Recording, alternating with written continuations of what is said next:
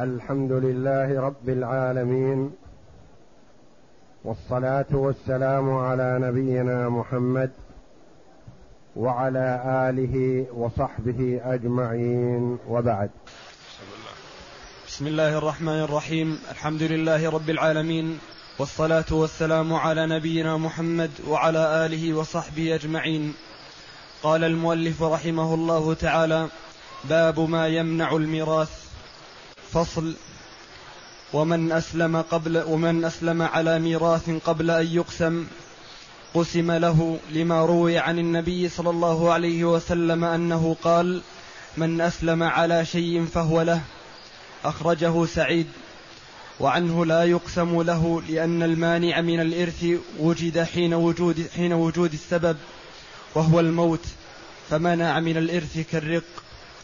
قول المؤلف رحمه الله تعالى فصل هذا أورده تحت باب ما يمنع من الميراث.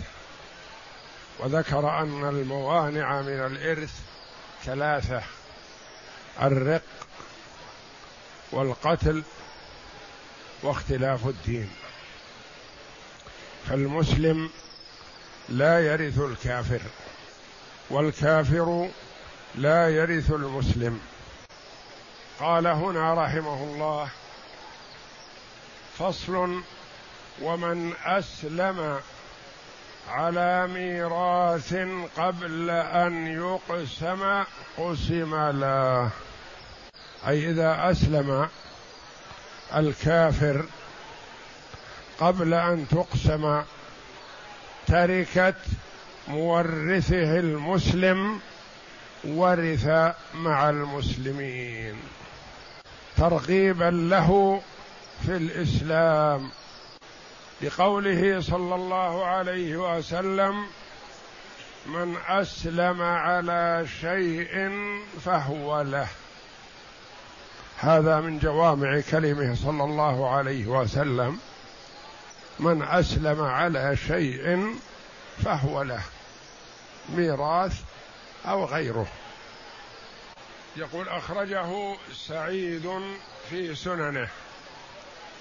هذا قول للأئمة رحمهم الله والقول الآخر وعليه جمهور الأئمة أبو حنيفة ومالك والشافعي وعدد جمع كبير من العلماء يقولون لا يرث المسلم لا يرثه إذا أسلم وكان إسلامه بعد موت مورثه. لأنه حال الموت بعد الموت مباشرة انتقل المال للوارث المستحق وهذا كافر فهو لا يستحق شيئا. فهو إذا أسلم بعد ذلك يحتمل أنه أسلم من أجل المال من أجل أن يرث فمنع من ذلك. الإمام أحمد رحمه الله أخذ بقوله صلى الله عليه وسلم من أسلم على شيء فهو له. يعني أسلم وعنده شيء ليس له من الأصل. فإنه يستحقه ويكون له ولا يؤخذ منه. من أسلم على شيء فهو له. قالوا رحمهم الله إذا قسم بعض التركة فهو على حسب ما قسم. بقي من التركة شيء لم يقسم فإنه يقسم له معهم وإن كان يحجبهم حجبهم. من أسلم على ميراث قبل أن يقسم قسم له يعني أعطي نصيبه منه. لهذا الحديث وعنه رواية عن الإمام أحمد رحمه الله لا يقسم له. يقال له إن المال قد انتقل من الميت إلى الورثة قبل أن تستحق أنت معهم شيئا. لأن المانع من الإرث وجد حين وجود السبب. المانع من الإرث موجود حين وجود سبب الإرث. فسبب الإرث النكاح والولاء والنسب. والسبب وجد موت المورث. والعدم الموانع ووجود أسباب الإرث وهذا كله في هذا تلك الحال لا يستحق شيئا لأنه كافر. فإذا أسلم بعد هذا فلا يستحق لأنه عبارة كأنه يأخذ مال غيره. فمنع من الإرث يعني كونه كافر حال الموت. كالرق. مثل من كان رقيقا حال موت مورثه ثم عتق بعد موت مورثه فإنه لا يستحق شيئا من التركة لأنه حال انتقال المال إلى الورثة عنده مانع من موانع الإرث وهو الرق. نعم.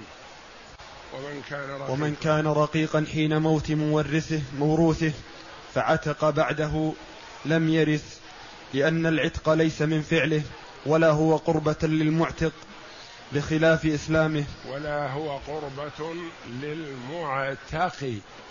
للمعتق. ما هو قربة؟ ما هو مأمور به.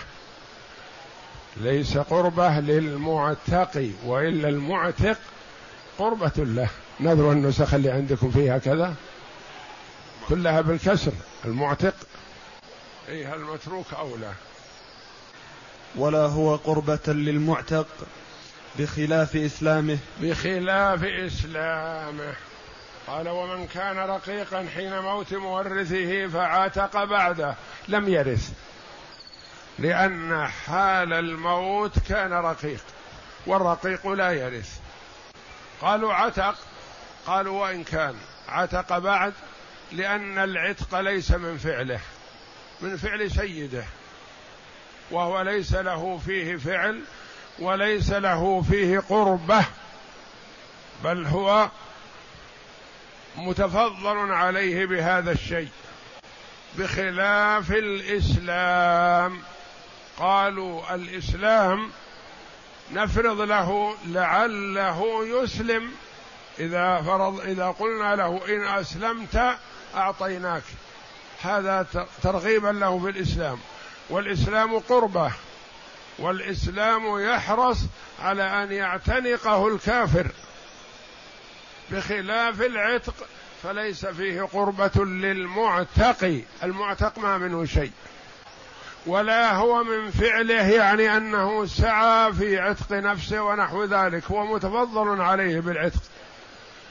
فيختلف المعتق بعد موت مورثه من المسلم بعد موت مورثه. المسلم بعد موت مورثه مرغوب فيه مرغب له في الإسلام وهو من فعله. ومن إقدامه على الإسلام رغبة فيه ونحسن به الظن. قد يقول قائل إنه أسلم من أجل التركة نقول نحسن به الظن ونرغبه في الإسلام. فإذا استمر على إسلامه والا حكمنا بردته وقتلناه قتل مرتد إذا لم يستمر على إسلامه. بخلاف المعتق بعد موت مورثه فإنه لا يستحق من التركة شيئا ما دام أنه حال الموت رقيقا. نعم. ولو ملك ابن عمه فدبره فعتق بموته لم يرث لأنه رقيق حين الموت. انتظر. ولو ملك ابن عمه فدبره فعتق بموته لم يرثه. انتبه للصورة هذه. إذا ملك الرجل أباه عتق عليه من حين الملك. إذا ملك أمه عتقت عليه. إذا ملك أخاه عتق عليه. إذا ملك أخته عتقت عليه. ملك ابن عمه هل يعتق عليه؟ لا. يكون رقيق عند ابن عمه. ثم إن السيد دبر ابن عمه هذا. قال هذا ابن عمي رقيق عندي أنا أكرمه ويخدمني ابن عمي لكن ما أريد أن يخدم من بعدي. فقال هو حر عن دبره وهذا المدبر كما مر علينا في أنواع الارقه من الارقه المدبر ومنهم المباعض ومنهم الموصى بعتقه. أنواع. فهذا المدبر أن يقول ابن عمي هذا عتيق عن دبري يعني بعد نهاية حياتي. فإذا دبره متى يعتق؟ بعد الموت. هل يرث؟ إذا كان مال عاصب سوى هذا فهل يرث؟ لا. لأنه حال الموت اقترن الأمران. انتقل المال إلى الوارث وهذا انفصل من المال بالحرية. صار عتيق. فلا يرث. يعتق بالوصية والتدبير. ولا يرث لأنه حال الموت ما كان حرا. لأن العتق ليس من فعله. ما هم من فعله؟ أو اجتهاده أو حرص عليه. لأنه رقيق حال الموت. يعني حال الموت كان رقيق ثم عتق والمال انتقل للوارث. فإن قال. فإن قال أنت حر في آخر حياتي عتق وورث لأنه حر حين لأنه حر حين الموت. فإن قال أنت حر في آخر حياتي عتق وورث. انتبه هذه مع الأولى. إذا قال أنت حر عن دبري يعتق بموته. وهل يرث؟ لا. إذا قال أنت حر آخر حياتي. ولم يكن له وارث سوى هذا ابن عمه. فهل يعتق؟ نعم يعتق. وهل يرث؟ نعم يرث. لما؟ ما الفرق بين الاثنتين؟ الأولى قال أنت حر عن دبري يعني بعد موتي. أنت حر بعد موتي. متى يكون حر؟ بعد الموت.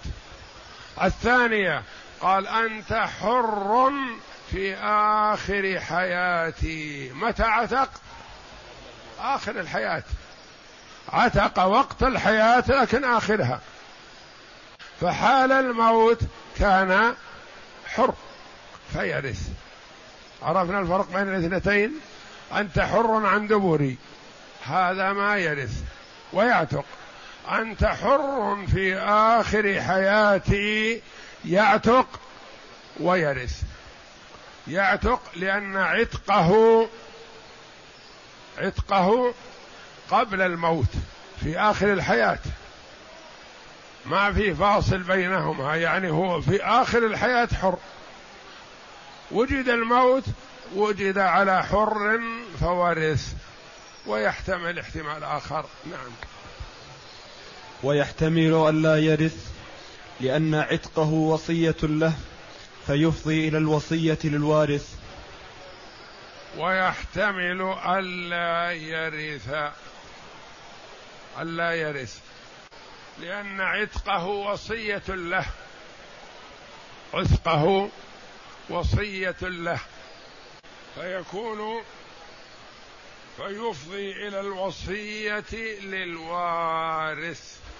قال يحتمل أن لا يرث لأنه وصى بعتقه فعتق ثم ورث فكأنه وصى لوارث والنبي صلى الله عليه وسلم يقول لا وصية لوارث لكن الأولى أوجه الأولى هو أعتقه في آخر حياته فأصبح حر ولا يدرى يرث أو لا يرث ثم إنه لم يكن له عاصم سواه فورث فتلخص لنا الآن أن من أسلم على شيء لم يقسم من التركة فإنه يقسم له. ومن دبر بالعتق في عند من سيده والمدبر هو الذي يعتق بعد الموت مباشرة. فإنه لا يرث لأنه حال الموت كان رقيقا وإنما عتق بعد الموت وحال وبعد الموت انتقل المال إلى الوارث سواه. وابن عمه إذا أعتقه عن دبره فلا يرث. وإذا أعتقه آخر حياته عتق وورث. اقسم. هلك هالك عن أخ ووالد كافر ثم أسلم بعد قسمة بعض التركة. ما قسم على ما قسم. يكون للأخ وما لم يقسم يأخذه الأب على هذا القول وهو مفردات المذهب. خلاف الأئمة الثلاثة رحمة الله عليهم. لأنه أدرك ما لم يقسم فأخذه لأنه وارث الآن بإسلامه. هلك هالك عن أخ حر وعن أب وعن عم وعن وعن أخ شقيق آخر رقيق فعتق بعد الموت. لأن الأب ما يكون حر رقيق وقت حياة ابنه. إذا ملكه خلاص عتق. نعم. ياخذه الشقيق الأول دون الشقيق الآخر. وكذلك لو كان الأب رقيقا لغيره هلك هالك عن أخ حر وعن أب رقيق عتق قبل قسمة التركة. كان سيدها اراد مبرته فاعتقه لعله يرث. فهل يرث؟